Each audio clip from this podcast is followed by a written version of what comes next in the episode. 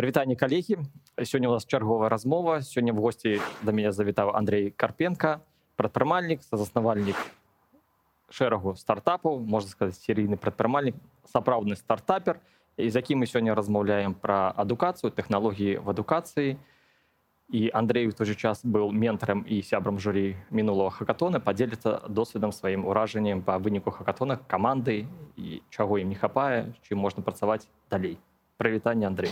Женя, привет. Ну, спасибо за приглашение. А, ну да, я такой как бы условный серийный предприниматель. Серийный, можно сказать, наверное, с точки зрения с того, что я много очень пробую разных бизнес-моделей, как бы тестируем, пробуем, что как сработает. И а, это дает ну, достаточно много чего я изучаю, там мой партнер изучает. Из-за этого есть такая большая насмотренность. Ну и плюс у нас есть свой проект, который мы сделали, ну, проект IT-компания, да, которая сделала продукт, которым уже в нескольких странах используют, и это такой узконишевый продукт для повышения качества обслуживания клиентов, да, такой вот мы, можно сказать, там, самое лучшее в постсоветском пространстве, да, как бы вот в СНГ как бы являемся, вот аналогов такого качества продукта нет. Ну, это такая череда боль, ошибок как бы и всего. Ну и сейчас как бы у нас есть проекты, которые а, это основной наш, да, и иногда мы пробуем еще разные бизнес-модели, как бы, которые смотрим, как они работают, и что здесь ну, может быть интересно. З якими метами, звичайно, приходять люди на тренінги? Чого їм не хапає, що їх мотивує на навчання? Смотри, ну, у меня а, опыт, я где-то с 2008 года вот в бизнес-образовании, до этого я там работал в международных компаниях руководителем в основном, да, там снизу как бы и дальше там.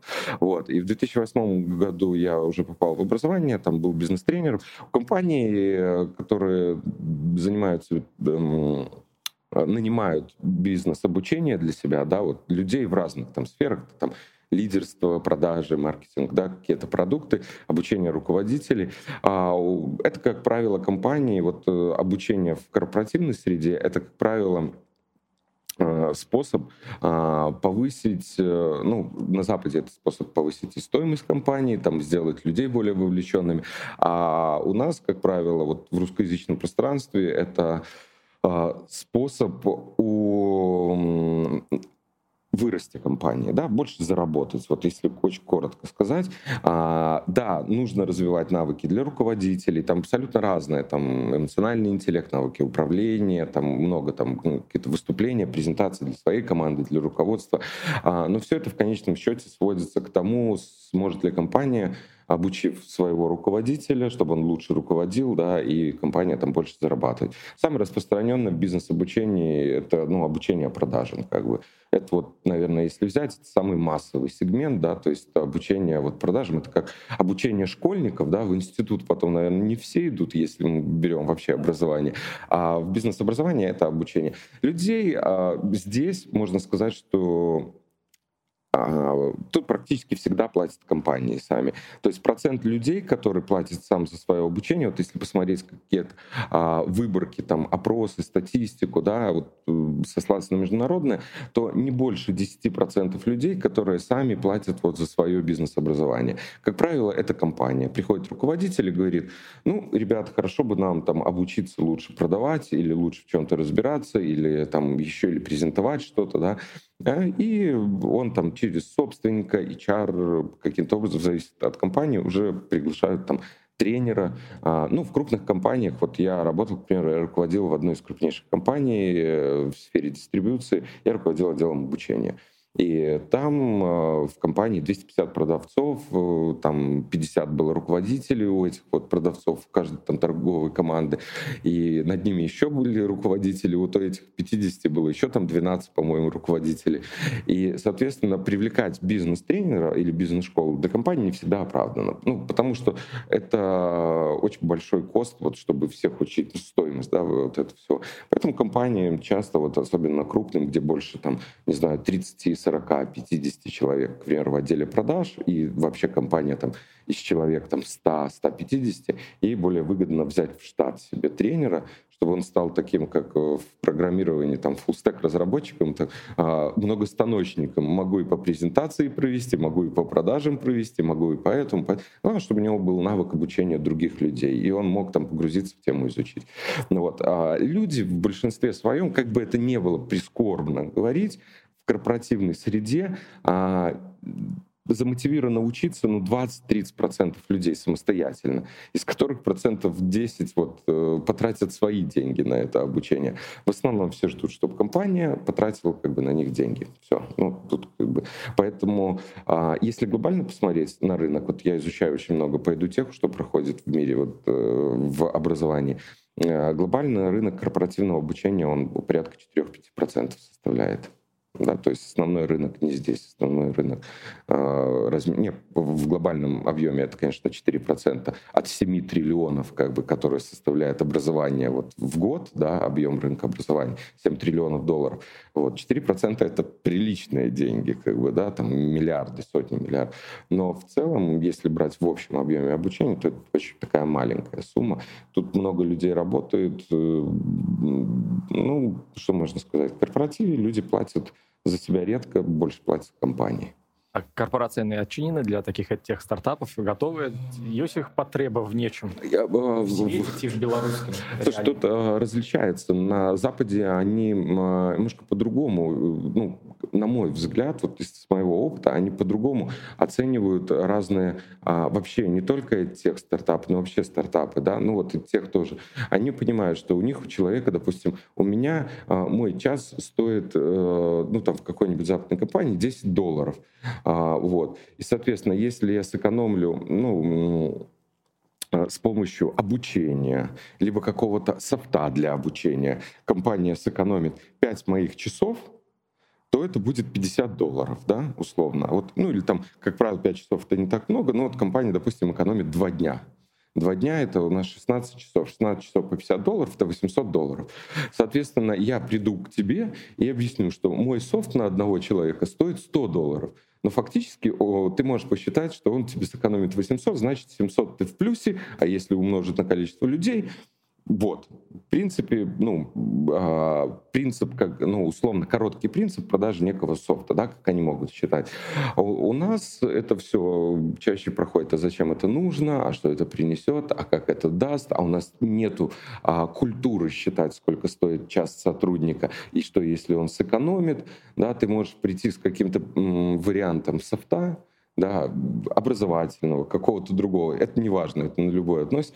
И сказать, что а, это сэкономит там два дня какому-нибудь э, сотруднику твоему или там группе сотрудников, да, а, то тут сотрудники и так немного получают, и что он сэкономит эти два дня, что не сэкономит, как бы, то мне больше мороки этот софт устанавливать, как бы, и учить людей им пользоваться или их обучать, а потом как-то проверять. Поэтому а, компании, они с одной стороны и открыты к этому, но с другой стороны, они гораздо тяжелее воспринимают какие-то вещи. Если ты мне можешь донести любой э, продукт, от тех, наверное, в первую очередь, а, он должен показать компании, что компания получит.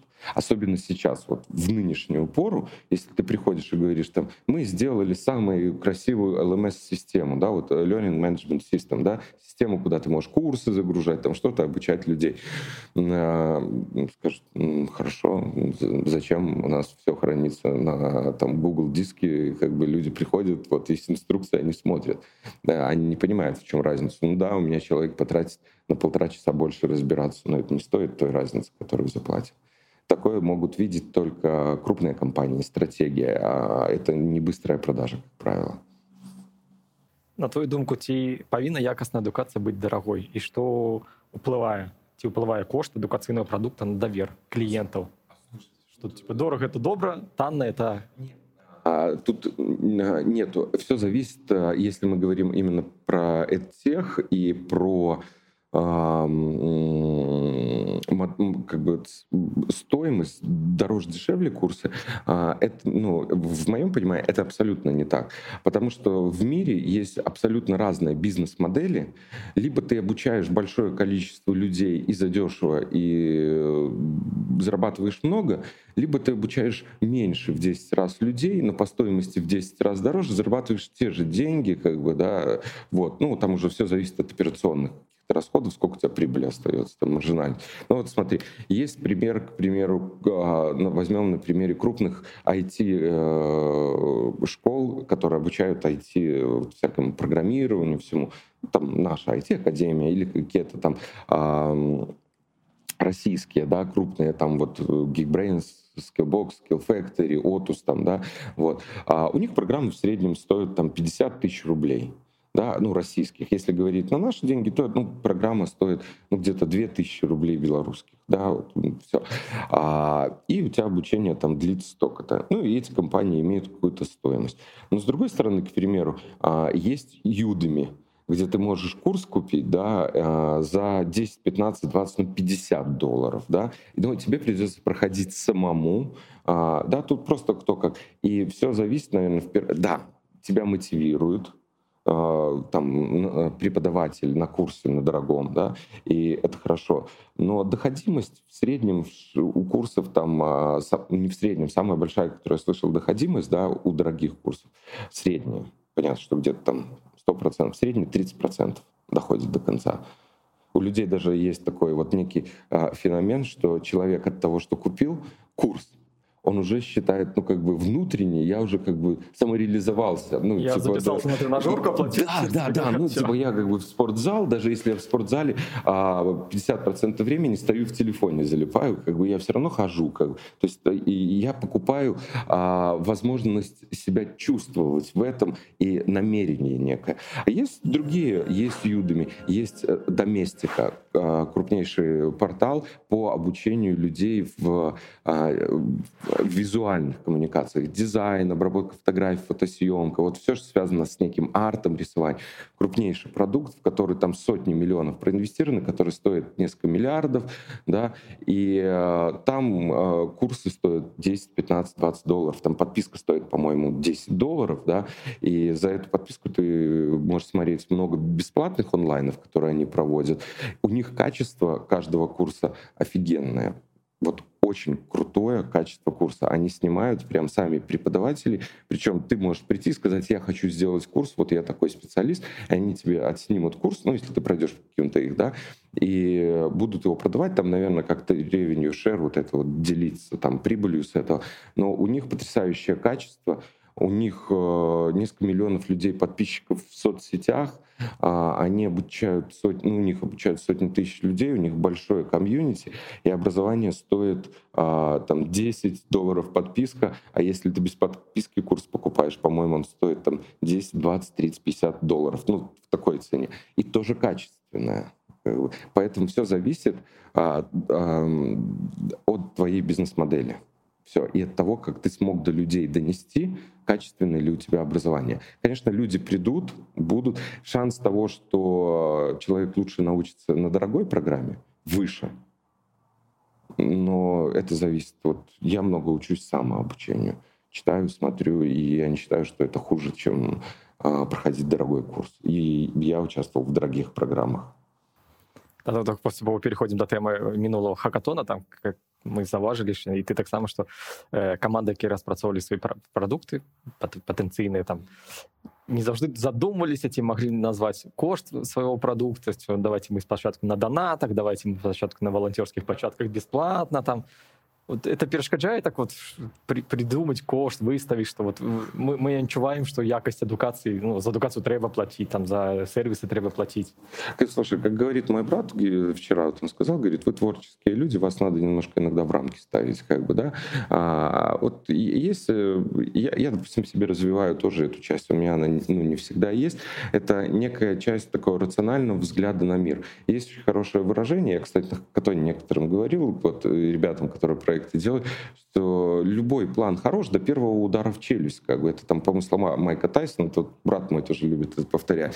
Да? И а, и то, чему я как бы научился для себя, а, нужно смотреть просто на несколько вещей. Нужно взять простую Excel и посчитать, что в хорошем и в плохом случае у тебя получится. С этим справится любой, даже на листике посчитать, вот сколько, да. Что с некоторыми ребятами я пробовал им на листике показать первые цифры, которые просто вот в моем, может быть, э, когнитивно искаженном да, взгляде а, выглядит, что это минус как бы. Ну, то есть мы заранее множим минус, как бы, да. Вот. Если у тебя нет инвестиций в проект, да, то ну, минусить ты придется из своего кармана, либо ты просто останешься один на один со своим продуктом, и команды у тебя не будет.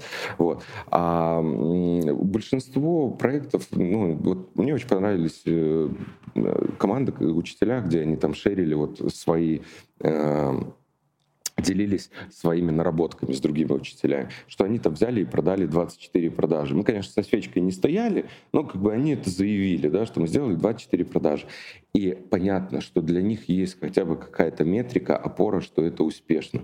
То есть там 4 человека, они могут вкинуть туда 3 месяца времени, каждый день там по сколько-то часов делать, но в итоге получится 0 денег ноль денег. И что они будут через 3, 4, 5, 6 месяцев, а, они будут также гореть этим.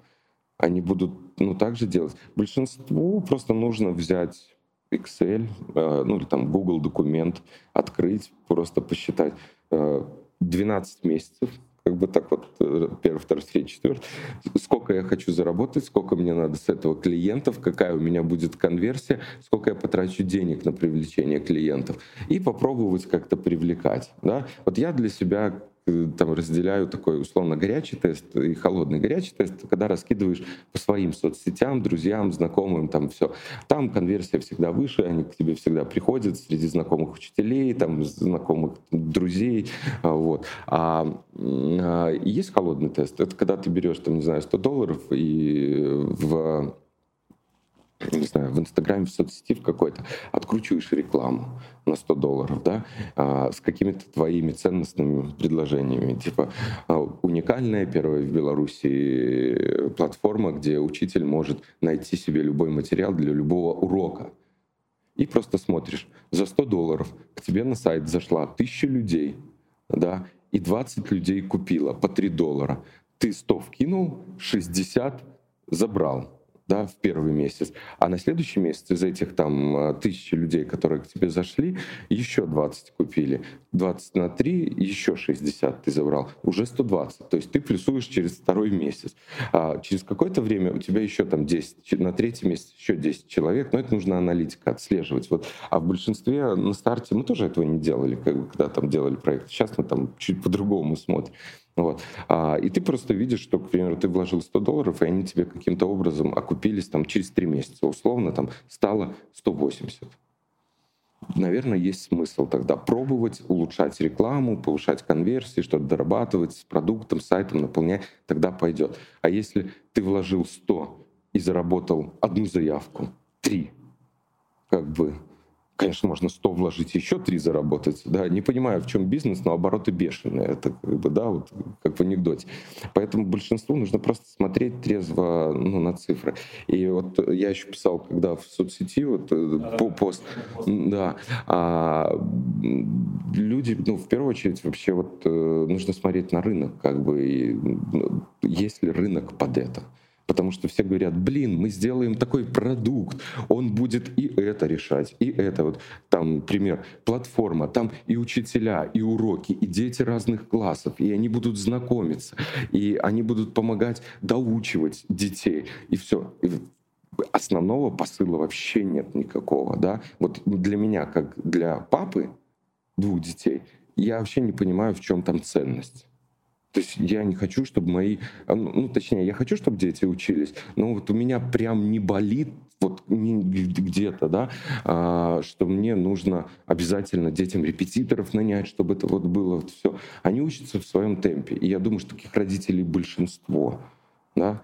А вот сделать с детьми домашку, вот это нервное окончание, которые сжигаются, наверное, у 50% родителей, да, типа, ну, ну, как бы тут же простой пример, да, и здесь простая идея, можно было попробовать не продавать всем все, взять какую-то одну функцию и попробовать продать ее, там, не знаю, родителям пятиклассников. Мы хорошо делаем домашку по математике, по белорусской мове и там по русскому языку.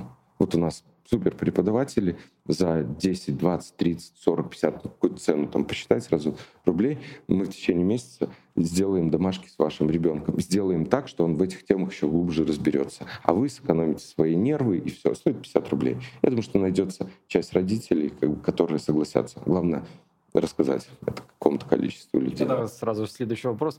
За что, ну, за какие послуги ты сервисы тех, не тех, ты готов платить як фізична особа Андрій Карпін, як як батька, як за свою сім'ю, може за своїх батьків, ну і за своїх супрацовників. Как подсказать потенциально будущим удельникам, будущих хакатону, что можно распрацовывать? Тут вот мы как бы исходим, вот я говорю мы, потому что ну, у нас как бы команда, да, и мы вот делаем, ну, делаем у нас основной продукт, и мы просто смотрим как бы основной а, дополнительные проекты, которые нам могут понравиться, да, а, и для себя, как для человека, я уже просто подхожу немножко с искаженным, да, но я с, а, с осознанием, почему я плачу. Большинство людей, они как бы вот прям в таком уровне осознания нет, они как бы на эмоциональном уровне это. А это у человека, у каждого есть какие-то работы, которые для него должны быть закрыты. Ну, допустим, самый простой пример, который я там даже на обучении на одном слышал, что вот у тебя а, вечером есть работа, хорошо провести время ну, удовольствие получить от двух часов вечера. И на эту работу у тебя претендует а, онлайн-кинотеатр с каким-то сериалом, у тебя претендуют друзья, у тебя претендует книга, у тебя претендует там бутылка а, алкоголя какого-нибудь, да, ну, участие людей, у тебя претендует там что-то еще.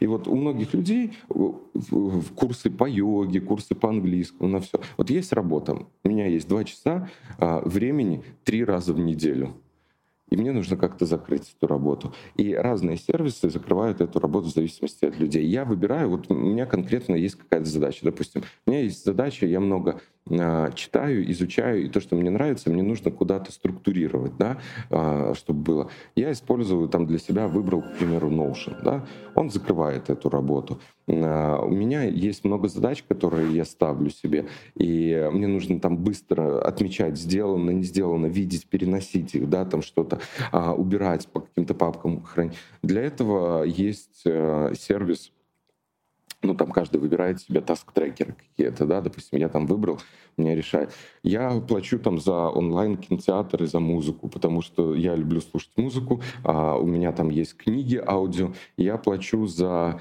подписку, за сервис, где я покупаю книги, которые я читаю, ну, в электронном виде. То есть я в меньшей степени стал покупать бумажные книги, да, как-то не из-за того, что я не люблю бумажные книги, у меня их много, а из-за того, что просто я как-то чуть-чуть трепетнее к природе стал относиться. Мне кажется, что если я 20 книг купил в электронном виде и прочитал, ну, наверное, там пол дерева какого-то спасется, да, вот. А, ну, я за это плачу. На работе я плачу там за какие-то сервисы, которые мне нужны, там, не знаю, для видеосвязи, там, Zoom тот же или что-то еще, да, то есть за эти услуги, ну, услуги, которые конкретно решают мою работу. И когда ты делаешь продукт, ты должен понимать, какую работу он решает.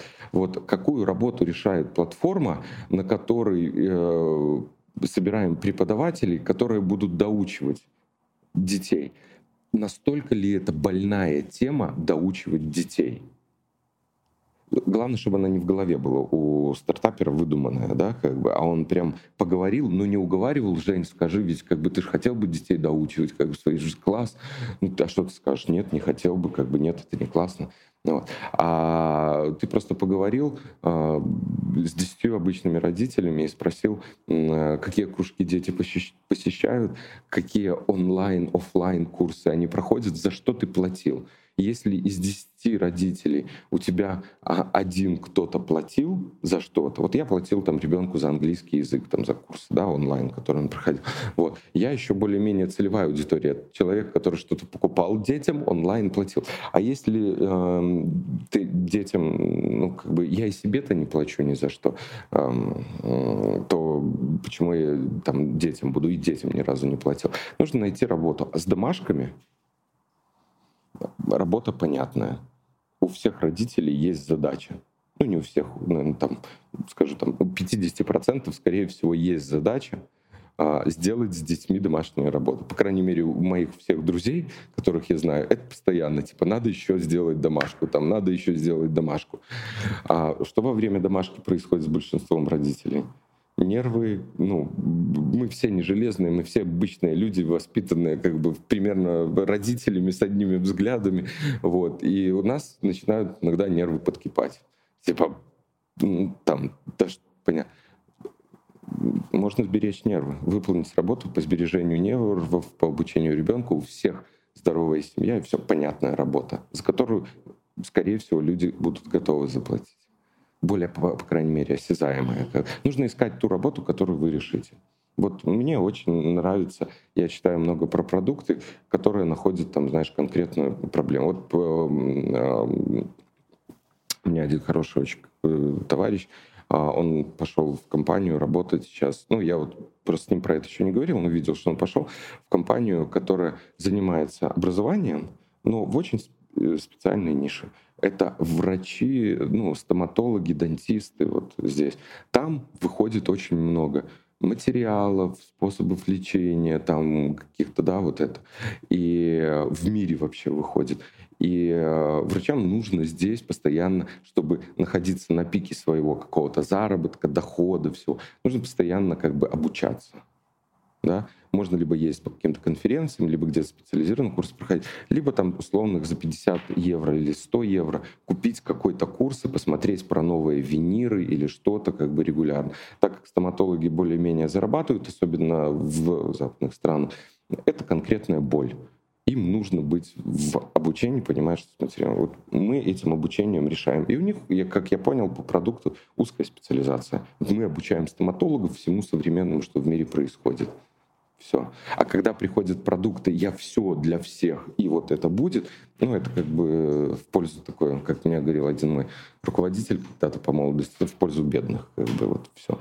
Ну и плюс еще э, ошибка, наверное, на хакатоне, ну, на мой взгляд, уже такой э, большинство проектов, которые презентуют, все выходят на хакатоне и говорят, мы хотим программистов нам нужен full-stack разработчик, нам нужно сделать сайт, все, все, все, все для вот 16 проектов, э, минимум, если я сейчас подниму, посмотрю, но для 12-13 из них, нет, для 13 э, для трех надо, потому что они игры делали мобильные, там точно нужно, да, а для остальных разработчики не нужны, чтобы идею протестировать. Ты можешь посмотреть час э, на Ютубе как собирать сайт самостоятельно какой-нибудь Виксе, Тильде или там на каком-нибудь LP-генераторе, да, а, сделать а, свой сайт самостоятельно и попросить кого-то просто рекламу открутить на сайт, посмотреть, будут ли люди покупать. Вот, к примеру, этот продукт, где мы говорим про обучают детей всему. Можно, конечно, долго общаться и разговаривать с этими, с программистами, делать сайт. А можно оставить такой сайт и сделать рекламу, э, да, и, ну, неважно, это там можно в какие-нибудь там паблики разместить. Главное, чтобы это не аффилировано с тобой были, тебя не знали там, то есть такой холодный. И посмотреть, сколько людей зайдет, сколько людей чего-то закажет, все. Первые продажи, первые заказы можно в телефонном ручном режиме принимать, ничего не надо там автоматизировать. Как бы если ты потратишь много времени на автоматизацию. Все, большинство продуктов делается просто вот таким способом, проверяется. Я в дополнение маленько скажу, вот я почитал недавно про продукт, тоже в нише образования, они там своя ниша, а они сделали э, сайт, платформу, сделали рекламу, получили 50 предзаказов, ну там подписка 20 долларов стоит, да, а, выключили рекламу а, по сарафану, им еще 500 пришло заказов, и а, они пошли потом продукт делать.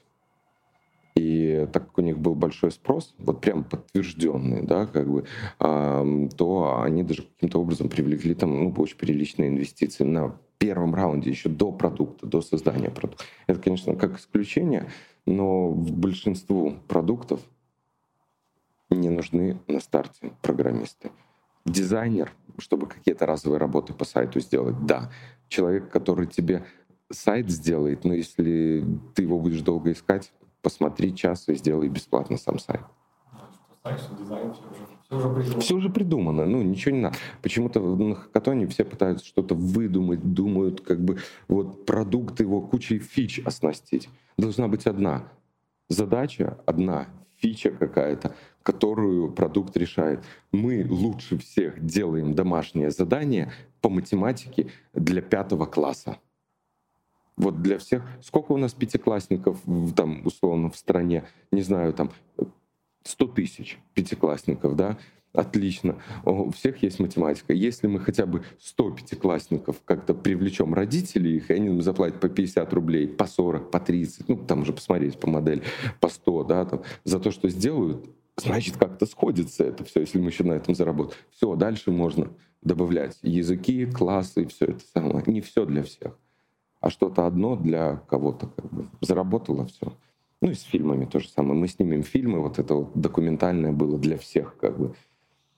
Сделать короткие видео для одного для кого-то час пад падрыхтоўкі хакатон я знайшоў ну даведаўся ну, што в беларусі дастаткова шмат фрилансераў якія працуюць мне не один год тренеры йогы там настаўнікі рэпетытары кансультанты ну, такія стартапы патэнцыйныя тех накірунак карпорацыі ну, буйныя уже такія кампаніі яны могуць ну, забіць этот фриланс не фрилансерам трэба бояться что а... корпорации компании займут нишу что фриланс это, это не вечно зараз яны как бы зарабляют свою тысячу там долларов в месяц им все доброе они не готовы масштабоваться не готовы были приходить на хакатон то есть мы и так все добры я вот сижу кто в декрете кто и так из дома працую спокойно про инсту вайберы и іншие Типа, мне все, все хорошо, пока что не треба.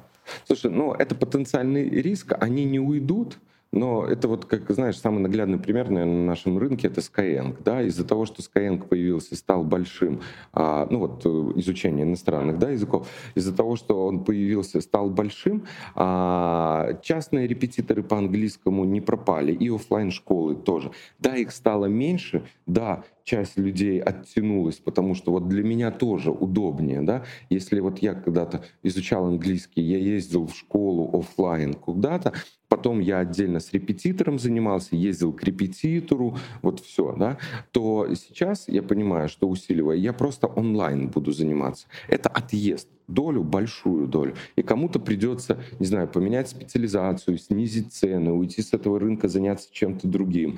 Да. А, но если ты крутой профи с кучей отзывов и всего, с высоким чеком, и ты, к примеру, там обучаешь иностранному языку и обучаешь а, как индивидуальный репетитор и обучаешь там топ-менеджеров, и они вот передают тебя там из рук в руки, да, вот прям вот как бы, а ты где английский потягиваешь? Вот у меня есть такой репетитор, там, вот, Светлана, как бы, да, вот, как бы, и, и, а можно мне телефон, да? Такие останутся. То есть там человеку важна рекомендация такая. А в большинстве для массового рынка, ну, как бы, вот такая. То есть, а, к примеру, там, Яндекс Такси или Uber, они не убили все такси. То есть есть маленькие службы такси какие-то локальные, даже как бы у нас, да, вот там свои. Они тоже что-то забирают. Но большая часть рынка, не знаю, там 50, 60, 70, 80 процентов используется той услугой, у которой бизнес-модель удобнее для них.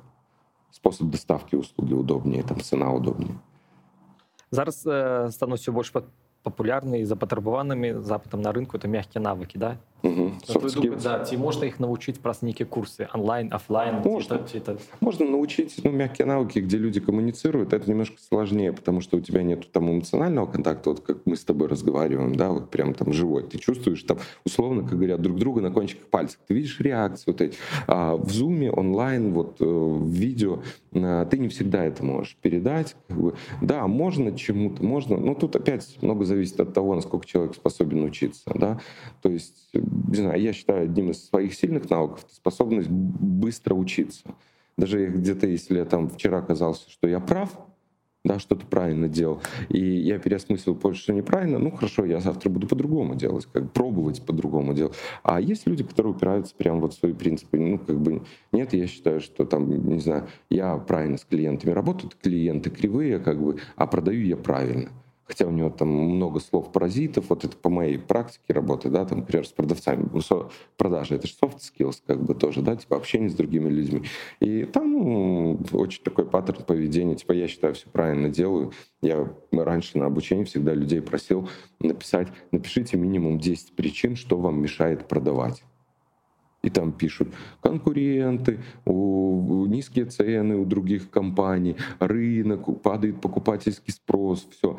А очень редко, там 10 20% от силы э, случаев пишут, что типа мне не хватает навыков, чтобы научиться договариваться с людьми. То есть в основном пишут, что виноваты там, а я как бы вот классный, да. А, но вот эта вот возможность человека самообучаться, soft skills — это хорошая тема. Для нас это сложнее сейчас. Soft skills, мягкие навыки. В продажах это еще более-менее. Ну, всякие а, лидерство, эмоциональный интеллект, все. А, это будут, э, это интересно, это покупают э, за хорошие деньги. Я не говорю как бы какой-то тренинг за 10 долларов, где ты там прошел, или за 20, или за 3. А хорошие деньги, ну там просто тот, кто это проводит, он там зарабатывает точно так же, как водитель троллейбуса, может там в два раза больше, или там в полтора. Вот. А, я не знаю, сколько зарабатывает водитель троллейбуса, это такое метафоричное просто сравнение, да. Вот. А, с, с другой стороны, чтобы хорошо на этом зарабатывать, у тебя имя должно быть. Ну, на soft skills. То есть этот человек, там, не знаю, Александр Фридман, лучший специалист там а, в постановке регулярного менеджмента. Как бы, да, все. Там Владимир Тарасов, как бы, да, там, а, он там лучше в этом ну, там, в управленческих навыках, там, вот это поведение. Там кто-то еще лучше там в продажах там какие-то, да. И крупные компании, которые продолжают деньги тратить на обучение, они как бы идут туда и готовы тратить. А в основном soft skills типа лидерства и прочего для небольших, для средних бизнесов трудно объяснить, зачем это компании на нашем рынке. На Западе это как бы все понятно. Там... Може бути потенційно добрим продуктом розпрацювати, що це придумати, як правильно вчитися, як правильно сприймати інформацію, критично мислити. А, знаешь, я, я скажу так вот по поводу этого. А, все, все хотят, вот тоже на хакатоне это было очень видно, все хотят что-то выдумать ну, придумать какой-то, блин, я что-то сейчас уникальное придумаю. Я почитал э, это хорошее выражение, пока вы а, тут придумываете и обсуждаете какую-то классную идею, уже 10 команд или 20 по всему миру в разных точках уже что-то начали делать в этом направлении. Ну, то есть мы не уникальны.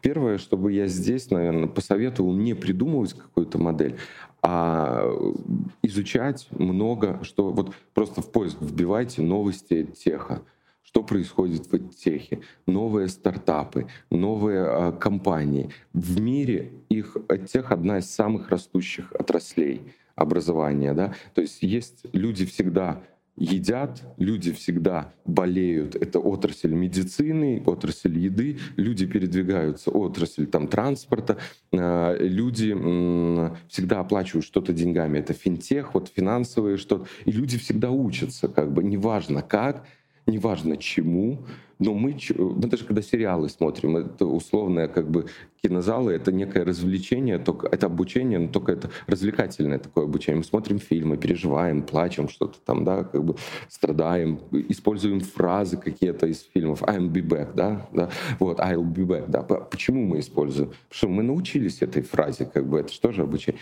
Вот, и самая главная штука здесь просто насмотренность в себе развить. Для стартапов ты придумал какую-то идею, лезь в сеть, Crunchbase, Product Hunt, а, VC.ru, ну какие-то а, порталы, изучай, смотри все, что происходит. Телеграм-каналы ищи, ищи, там, не знаю, детское образование.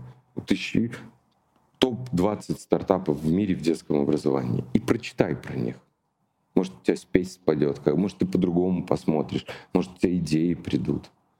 Вот. А многие типа, о, я придумал это, супер идея. А какой рынок для нее? Фиг с ним рынок, главное продукт, он крутой. А кто будет покупать? Да, все будут покупать. Э, это я же тоже такое проходил, как бы я вообще не исключение.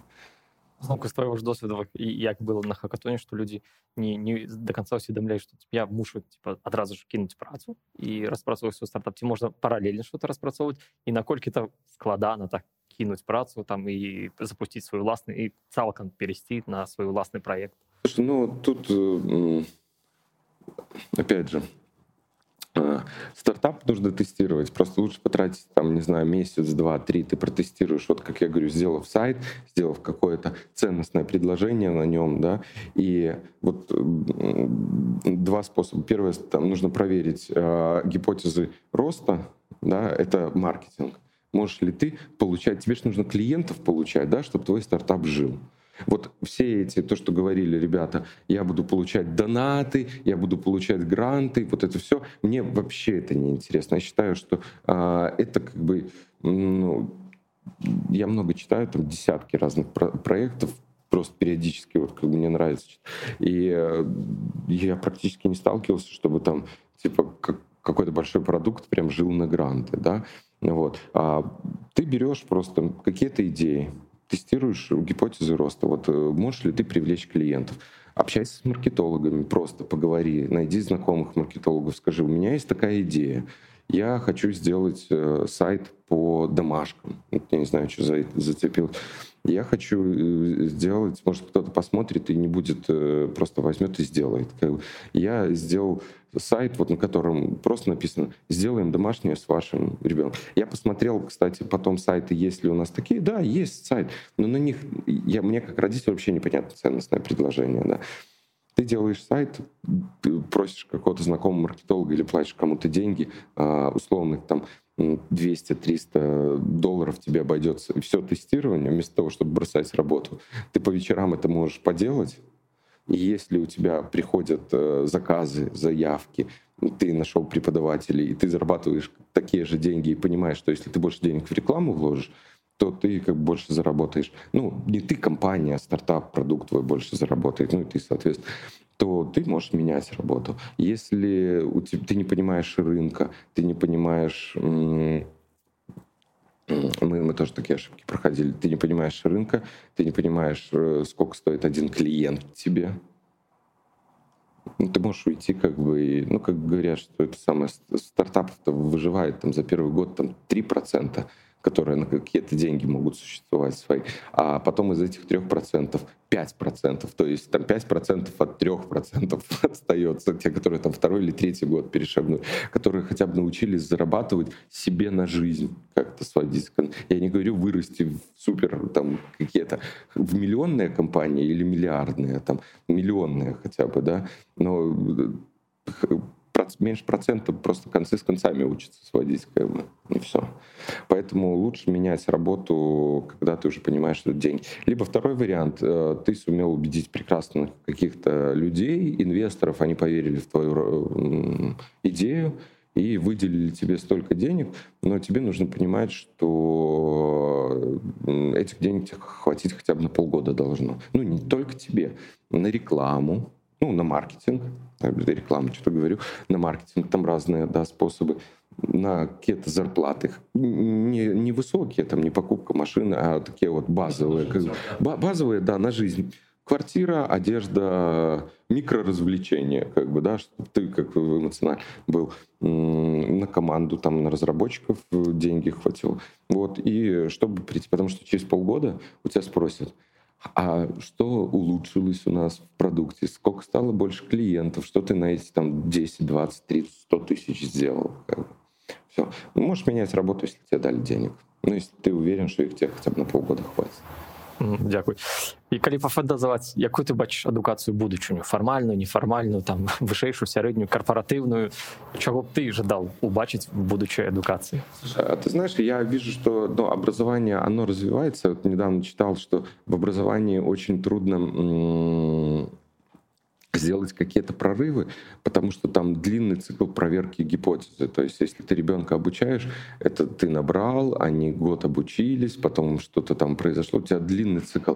А проверка гипотезы в службе такси, она быстрая примеру, человек нажал на кнопку, там что-то все променяли, кнопку другого цвета или что-то сделали, а, вот, и вместо 100 человек 106 как бы этой функции воспользовалось, да, и гипотеза проверяется за час, за два, за день, за три, да, как бы, и это убирается или там оставляется. А в образовании трудно проверять гипотезы, в образовании оно будет расти, развиваться. А, мне, знаешь, как мне трудно сказать, э, я не скажу, а во что оно превратится по той причине, что я сотни проектов прочитал в образовании, и они абсолютно разные. Есть продукты, а, которые, вот я недавно читал, одна компания 40 миллионов привлекла, а одна там 27 миллионов. Они занимаются обучением, то есть онлайн-школа для особенных детей. То есть для детишек там возраст там 5, 10, 12 лет, вот, по-моему, К12 называют это вот как бы, или К5, ну, неважно, вот это вот, да, они обучают особенных детишек, у которых есть, ну, некие ограни, ну, ограничения, да, как по жизни, да, то есть а, они там чем-то болеют, э, у них там ДЦП, там что-то такое, да, вот они готовы. И там нет ноу-хау, просто они выделили нишу. Мы делаем все как бы вот для вот этих детей, да, оно фактически, вот если посмотреть сайты, ничем не отличается от сайтов какой-нибудь, где мы учим детей программированию. Только там мы учим особенных детей программированию, как бы, да, все.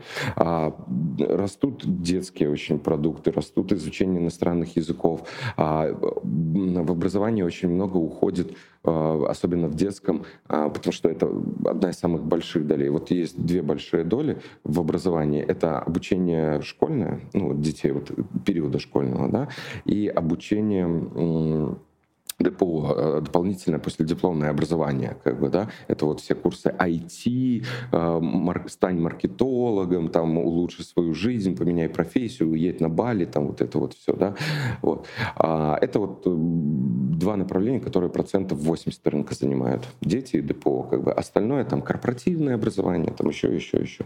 Здесь просто нужно выбрать, в какой сфере, в каком рынке я хочу, да, и куда оно придет, не знаю, есть продукты крутые, как бы, на русском русскоговорящем рынке, на западном, где дети э, играют за каких-то монстриков, которые ходят, коммуницируют там, и они чему-то учатся. Есть там другие образовательные проекты, есть там франшизы а, школ, которые офлайн, которые онлайн сочетают инструмент. То есть как бы каких-то вот прям ноу-хау в образовании не будет. Просто будет смешанное, вот как называют blended learning, да, что будет смешанное в части того, что часть детей а, учится, ну, часть времени ребенок учится там офлайн где-то, да, если, ну, есть возможность, там, школа, там, не у всех, ну, не у всех же есть, а часть детей учится онлайн. Там сейчас и в Индии, в африканских странах бум теха, как бы там просто миллиарды туда вливаются денег, как бы там стартапы, вот э, условно, кажется, вот IT-академия там наша, да, там что, там IT-академия для, в Африке для детей там, а, каких-то там стран, да, там ЮАР, еще что-то, да, там 50 миллионов инвестиций, как бы там еще что-то. Да. То есть как бы те же модели, просто они с рынка на рынок переносятся. Иногда даже одна команда сделала на рынке, потом основатели ушли, сделали вот там Skillbox, как бы сделали на российском рынке. Теперь они такой же продукт запускают на этом самом, на индийском рынке. А, ой, Skillbox, Skill Factory, да, на индийском. А Skillbox, э, когда они там продали вот этому Mail.ru, как бы а, один из основателей сейчас запускают на латиноамериканском рынке. Такой же. Вот если посмотреть сайты, ну, как бы видно, что они очень прям похоже, как бы все. Это просто та же модель запуска. В образовании ничего не поменяется, все будет зависеть а, от того, понимаем ли мы свою аудиторию, можем ли мы ценность эту описать на сайте и информировать людей этой ценности и привести, э, если глобально мы про большие проекты говорим, глобально выигрывают проекты те, кто спалили больше денег. А это особенности э, основателей а, продать идею потенциальным инвесторам, влюбить их в идею, чтобы они тебе поверили, дали денег. Это конкретно вот, если послушать то, что говорят основатели больших стартапов, э, собственники, особенно которые там вышли уже, продали там доли. Говорят, выигрывает на этом рынке, кто спалит больше денег в печке, кто быстрее растет. Образование у всех компаний плюс-минус одинаковое. Преподаватели плюс-минус одинаковые, модели плюс-минус одинаковые. Просто прорывов не будет, но выиграет глобально тот, у кого больше денег. Можешь порекомендовать, магчыма что такое мотивационные такие книги, фильмы, подписки, там, подкасты, YouTube, ну, для потенциальных хакатонщиков, засновальников, стартапов, что можно было почитать, с чего почать, как не для основателей э, стартапов всего я бы рекомендовал даже, наверное, не книги, я бы рекомендовал найти статьи и почитать, что такое Jobs to be done, а, почитать э, про customer development, как его проводить, как проводить там проблемное интервью, посмотреть, э, допустим, Красинского про юнит-экономику, да, вот просто первые цифры, как считать. Вот у нее есть разные лекции, все на Ютубе можно найти, да, то есть вот такие вещи. Прям, чтобы книги какие-то, вот по такому, ну, есть книга uh, Learn Startup, Lean Startup, Learn с обучением, Lean Startup, да, это там, как вот создавать MVP и его пробовать. А, не всегда это сейчас работает, вот прям на каждом продукте можно это сделать, но общая концепция понятна. Можно почитать стартап, настольная книга основателя которая очень хорошо мозги прочищает. Вот, ну, по-моему, ты как бы эти книги покупал. Ну, вот это от нуля к единице хорошая книга. Ну, это вот классика, как бы три книги, а все остальное. Хотите в техе развиваться, ну, посмотрите интервью про тех, тренды теха, наберите в Ютубе, посмотрите а, есть сайт Техру. Да? Там рейтинг всех онлайн-школ э, по выручке. Ну, посмотрите, сколько зарабатывают. На первом месте школа, у них там выручка в год 130 миллионов долларов в русскоговорящем пространстве. И потом зайдите, посмотрите их продукты и потом поймете, что вас еще реклама их гонять будет еще месяц или два, за вами будет везде по интернету ходить. Вот как они как бы в принципе жгут все и привлекают вас. Учитесь у других, читайте про другие продукты, проекты, стартапы, как бы это вот очень помогает насмотренность развивать. А что-то из белорусских стартапов можно, когда ты ведаешь компании, тех что-то? Ну, по, по, на белорусском я, наверное, даже ничего тебе не скажу. Как бы, вот, ну, не, ну, в Беларуси мы все знаем как бы известные как бы, какие-то компании, типа там Маскарад, Панды Дог, как бы, и там э, Friendly Data, по-моему, да, вот. Э, ребят, которые как-то вот начинали, и у них что-то получилось. Но они же в основном не в техе, они в B2B работают. Они делают сервисы, там SaaS для B2B, как бы, в основном. Да, а и теха нету.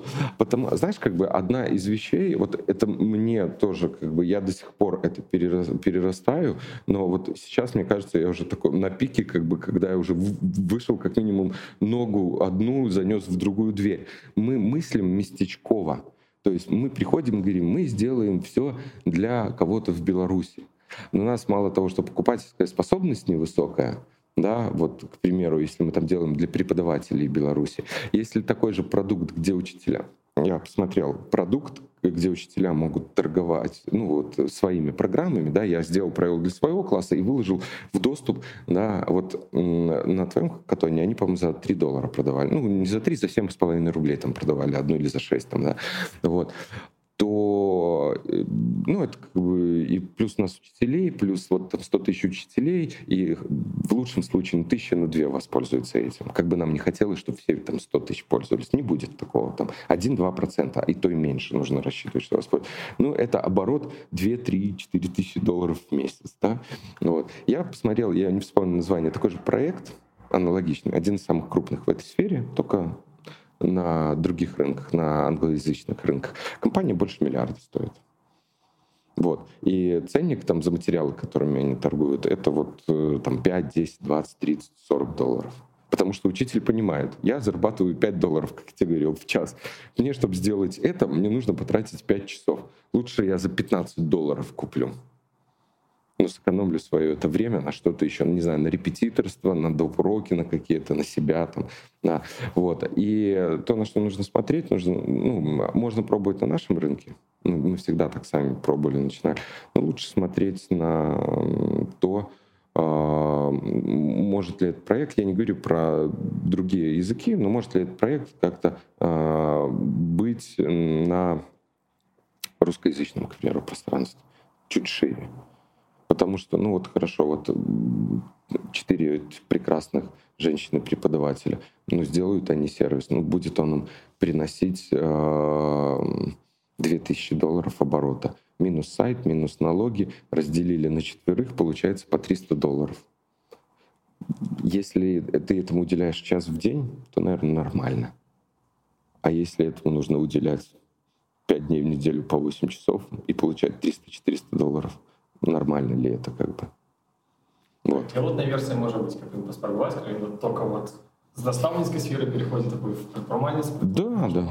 Вот есть, да, э, вот ты работаешь, да, если ты видишь, что это тебе приносит как бы, ну, какие-то деньги, которые больше, и ты понимаешь, что это если не будешь не два часа в день заниматься, а 6, 8, и это как-то повлияет, лучше сайт, лучше продукт, больше охват, что-то еще, ну, как бы, тут же дело такого, э, как прыжок веры ты либо веришь и прыгаешь, ну, есть какие-то моменты, где тебе нужно поверить там и просто тупо сказать, ну, я там делаю как бы это все.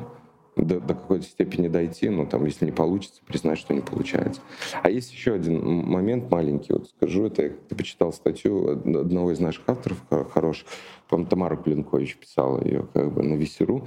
А, есть такой тип рынка «Болото» называется да, это когда на нем вроде есть продажи, но их столько мало, что тебе чуть-чуть выжить, как бы, и ты, такая компания превращается в чемодан без ручки, да, то есть, условно, вроде бы и спрос есть, и 50 человек у тебя покупают. Ну, 50 человек у тебя покупают по 5 долларов, как бы. И вроде какие-то продажи есть. Но готов ли ты за эти 250 долларов минус какие-то там расходы э, этим заниматься? И вроде как ты не бросишь, вроде 50 продаж каких-то по 5 долларов есть. И, а что с этим делать? Ну, вот как? И это такой рынок. Ты так и не выкинешь, как бы, занимаешься, и уже и не горишь этим, как бы, да. И вот, как бы, тут, ну, есть тоже нюанс, нужно понимать размер рынка. То есть даже в Беларуси можешь ли ты это либо дорого продать, там, не знаю, 100 каким-то клиентам, условно, по 100 долларов, там, да, или по 200, по 300, вот, либо продать дешево на большому количеству. Модели разные. Крупные онлайн-школы продают дорого, десяткам тысяч людей. Udemy продает дешево или доместика, ну, миллионам людей. И без там большой поддержки. Все. И те, и те хорошо зарабатывают, и в тех, и в тех как-то все сходится. На твою думку, ну, так як ти предпринимальник, як ти і батька, дітей пускають ну, до комп'ютерів, до, до технологій, до технологій в едукації, з якого зросту може бути? Як ти лічиш там? Як... детей можно пускать за компьютеры. Наверное, тут не я больше скажу, тут, наверное, врачи больше скажут, ну или кто-то там преподаватели профессиональные, которые глубоко в теме. Как бы я там, ну, не, не, да. я могу сказать, что я, конечно, как любой папа там или родитель, делаю кучу ошибок там, ну вот, как бы потом задним умом, ты понимаешь, э, потому что там даешь смотреть часами мультики там и все это, да, лишь бы тебя не трогали иногда. Ну, честно, просто нужно признать, я как бы не минул вот этой вот составляющие. А, но я считаю, что а, родителям, как бы, кроме... Э, детей можно пускать за компьютер, ну, не знаю, там, с трех лет по чуть-чуть, наверное, давать, как бы, да. А единственное, что это не превращается в то, что, как бы, вот телефон, как бы, там, иди, не, не трогай папу пару часов, как бы, да. Я считаю, что родителям нужно дополнить э, э, как-то свое общение с ребенком не просто компьютером. Компьютер можно пускать там какие-то уроки, там, не знаю, несколько раз в неделю по часу, там, да и в игры пускай играет. Как бы я не вижу ничего плохого, мир такой. А, но без перебора там часами сидения, да. А, я считаю, что родителям нужно хотя бы там 15, 20, 30 минут в неделю, 40 уделять не компьютеру с детьми, а играм. Причем не играм, которые нарисованы или раскраски, где за тебя все придумано, а играм, которые вы сами создаете. То есть вот мы придумали с детьми какую-то игру, какой-то шалаш, какое-то что-то, да, какое-то вот, чтобы у них развивалось мышление, креативность. Потом в компьютерах они это применят, это им пригодится. Но им нужно развивать, вот, если послушать психологов, вот эту вот нашу внутреннюю, там, предфронтальную кору головного мозга, чтобы они учились мыслить и все это, да. Компьютер, они учатся мыслить в digital е, как бы. Да, их там развивают, взаимодействие между человечками, между виртуальным там, а, человеком, который сидит мне что-то рассказывает, да, но мы должны уделять, я сам стараюсь как бы вот в эту сторону тоже посмотреть сейчас, да, а, мы должны что-то придумывать с детьми, где нету никого, кроме меня и ребенка. Вот все, больше нету ни компьютеров, ни соцсетей, ни игр, ни раскрасок, никого. Вот есть два человека там, ну или там родители и два ребенка, или родители и там дети. И вот они что-то придумывают, создают. Вот. Посмотри, э, очень круто про это. Я вчера выложил в соцсети. А, Amazon сняли рекламу про книги. Почему книги стоит читать? Это одна из самых потрясающих реклам, которую я видел. Когда человек сидит с книгой, и вокруг него вот прям вот происходит мир событий. Ведь когда мы просто играем с детьми, это мир событий. Поэтому компьютеры, да, с возраста определяет каждый родитель, лучше каких-то психологов послушать, а, но выделять время вот на игры придумывать самому, искать, читать игры, создавать там. В том же хакатоне было три проекта с геймификацией. Да. Адукация плюс геймификация. Математика, там, химия. Матем... И все предметы такой с пятого класса, например, раз геймификацию. Это норм или um, но... уже зашмат? Не. А, знаешь, я как бы все-таки я такой старовер, как бы, да, в этом плане. Я из того, что я понимаю, изучаю, я считаю, что все-таки а, ребенку а, нужно где-то вдумчиво сидеть, что-то повторять. Если ты все воспринимаешь через игру а, и через компьютер, то у тебя мир искажается, что только там что-то происходит, как бы. Да, ты видишь как бы одну сторону. Но когда ты сидишь с тетрадкой или когда ты в уме решаешь пример, не глядя на компьютер, да, это помогает, это усиливает. И вот у ребят там было классно по математике, по химии, да, вот эти вот игры были, ну там две по математике было, одна по химии, да. Вот. А у них классные варианты, они молодцы, что придумали. Я вообще был удивлен, что парень 13 лет, он сделал вот, неважно, она, конечно, не там ведьмак, как бы, да, там, вот по графике, но она очень круто сделана, прям вот супер достойно. Но они не заменят, ну, на мой взгляд. Или бы мы превратимся в биороботов, там, вот как это первому игроку приготовиться. Вот, все, все. Надеюсь, что останется на смешанной эдукации. Да, да, да. Ну, я, я, я, я за офлайн школу. А, в это подтверждение скажу одну штуку. Байджу, по-моему, называется самый крупнейший тех в Индии.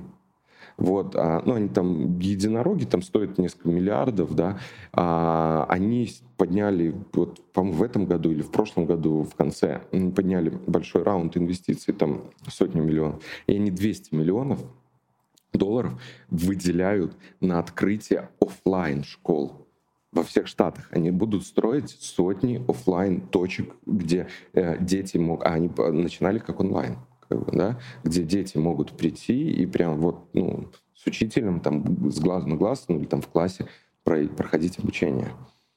То есть, ну, э, они инвестируют в это. Бо клиенты хутка скончатся. Не будет клиентов, не будет звычайных Не, а в образовании, это как и в образовании, как и в рынке еды, клиенты будут всегда, как бы, то есть всегда рождаются дети, да, где-то там рождаемость падает в, в Индии там или где-то еще в странах растет, там клиенты будут, детям всегда учиться чему-то хотя бы базе нужно, а просто онлайн оно как-то быстрее позволяет это там в некоторых вещах сделать, да, не скажу, что там всегда лучше, но быстрее, вот. Есть будут, учиться будут. Ну вот, пожалуйста, как бы в образовании, значит, не надо что-то придумывать иногда. Иногда нужно просто почитать, развить свою насмотренность и подумать, может ли идея с рынка Финляндии, Германии, Америки, Мексики, Индии, Китая или какой-нибудь швейцарский стартап, который там бах выстрелил почему-то, да, может ли она сработать на нашем рынке? И просто попробовать тесты, вот сделать гипотезу. Тебе не надо придумать. Приходишь на хакатоне, говоришь, вот есть такая идея, я посмотрел на такой рынок, вот есть так, я хочу проверить. Большинство гипотез можно было проверить за два дня, которые были хакатона. Ну, вот. ну а многие ребята предпочитают э, больше рассказывать про фичи, и я такой же. Я сейчас себя иногда на этом останавливаю, но большинство предпочитают про фичи рассказывать, чем что-то попробовать продать. Продать сложнее. Про фичи более воодушевленный рассказ. Дякую. Что-то про свой проект, про проекты хочешь расповести? Там? Слушай, наверное, ну нет, как бы а, а основной проект, которым мы занимаемся, это Qualio, это сервис для контроля качества, а те продукты, которые мы сейчас пробуем и делаем, наверное, еще рано рассказывать. Просто их э, несколько моделей, которые мы смотрим, сейчас мы выбрали, как бы на что больше сфокусироваться. Мы просто хотим попробовать. А, очень много интересных в мире моделей с сообществами связано. Меня очень впечатлило женское сообщество. Можно ли считать это образованием? Женское сообщество в Америке Chief называется, да, chief.com. Chief — это главный перевод, да, там э, э, Chief Executive Officer, да, SEO, да, вот Chief. Это сообщество для женщин, а, SEO компаний, операционных директоров, вице-президентов. Участие в, в проекте стоит, ну, в, в клубе в этом, стоит от 5800 долларов до 7200 долларов. В клубе 12 э, тысяч участниц за три года. В 2018 году клуб появился этот, а, как онлайн-площадка, где женщины э, могут общаться э, с такими же руководителями, как они. Неважно, в каких сферах. Их как-то там объединяют, модерируют это общение. А, проект получил за три года, по 140 миллионов инвестиций и стоит э, миллиард сто миллионов. Как бы больше миллиарда стоит продукт. Вот, можно ли назвать это обучением? Сейчас они делают курсы, и специальные курсы для этих женщин, которые ну, не выходят только вот для них. У них лист ожидания 60 тысяч человек. Они 70 или 80 миллионов зарабатывают в год, как бы только на подписной модели на этой своей. Они приглашают звезд, топов для вот общения онлайн. Они построили четыре локации э, типа кафе, коворкингов, куда только эти женщины могут приходить. Как бы. Это можно техом назвать? Как бы? Ну, это такой комьюнити тех, как бы вот что-то. И таких продуктов может быть много. В Индии э, недавно я почитал тоже, очень крутое комьюнити для студентов сделали. Студентов университетов. Вот, раз. Там 40 тысяч человек. Все. Участие, какие-то лекции бесплатные, и какие-то курсы делают сами студенты, условно, там неких старших курсов и преподаватели. И продают за условные 5-10 долларов студентов доучивают. Как бы. Тоже там подняли кучу денег. Как бы. Это, а начиналось просто условно с некого чатика комьюнити студентов. Просто они придумали, а, как это сделать, что с этим сделать, как это улучшить, и все. Это насмотренность. Я могу там несколько часов рассказывать про то, проект, который читал, и что руками пробовал Как бы, ну, это просто лучше самим все почитать. В Беларуси такие есть комьюнити. Глядеть по інсті, там от така жіноча супольність, які заробляють, як я розумію, просто на, на івентах, які не проводять, а в івенти не закладають ніяку едукаційну частку, от зустріча там якими да, да, да, да. Они есть, есть в разных городах, там Бересте, Воронеж, там Минск. И, да, и да, но, но, слушай, но... Сумейте вырасти в бизнес, они просто да, но у меня тоже как бы я когда-то делал свою комьюнити, которая там чуть-чуть переросло уже в большую там тусовку, да, вот owner buy, как бы, которая, да.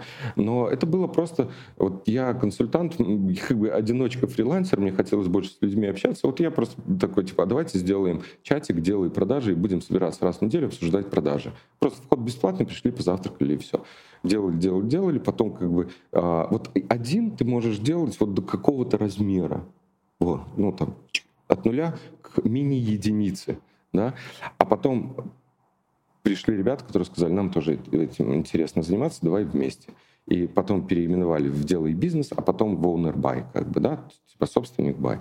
И сейчас там больше, чем 1900 участников, уже проведен форум, регулярные завтраки проходят, да, и это уже какой-то комьюнити, на котором можно думать, как с ним взаимодействовать, как там чуть там зарабатывать, ну, чтобы как минимум его развивать, да, потому что на свои ты тоже долго не будешь воодушевленно все поддерживать. Вот. А, просто мы не всегда понимаем, как с этих комьюнити зарабатывать. Все, этому нужно учиться. Вон на Западе там сотни примеров, как на комьюнити из чата вырастает потом 100 миллионов бизнес как бы, за 2-3 года. Потому что, ну да, там больше людей, больше населения, поэтому нам и надо смотреть за пределы Беларуси чуть шире не знаю, а что мешает вот э, просто гипотеза для наших, э, вот если посмотрят четыре учителя, вот эти, я не помню, как их зовут, да, к сожалению, а, они тогда сказали, что они на меня разозлились, поэтому продали там как бы а что стоит, э, зачем нам сайт делать или что-то такое? Сделайте телеграм-канал как бы или телеграм-бота, а, что стоит гораздо дешевле, а, распространите среди всех учителей, и он в телеграм-боте выберет а, пятый класс, русский язык, и там реферат, что-то, что-то, что-то, что-то еще, как бы, да, все, ему как бы там за какой-то... Или они за подписку там в, в 5 рублей в месяц или в 10 рублей в месяц а, смогут а, скачать бесплатно 3-5 материалов каких-то. Бизнес-модель может быть другая, для этого не всегда сайт нужно делать. Добрый день, дякую за цікаву Да, Жень, пожалуйста. Колеги, дякую Андрею за розмову. Протягуємо нашу серію таких відеоінтерв'ю. Коли ласка, ставте лайки, покидайте коментарі і досилайте зацікавленим особам наші відеорозмови. Дякую, до зустрічі.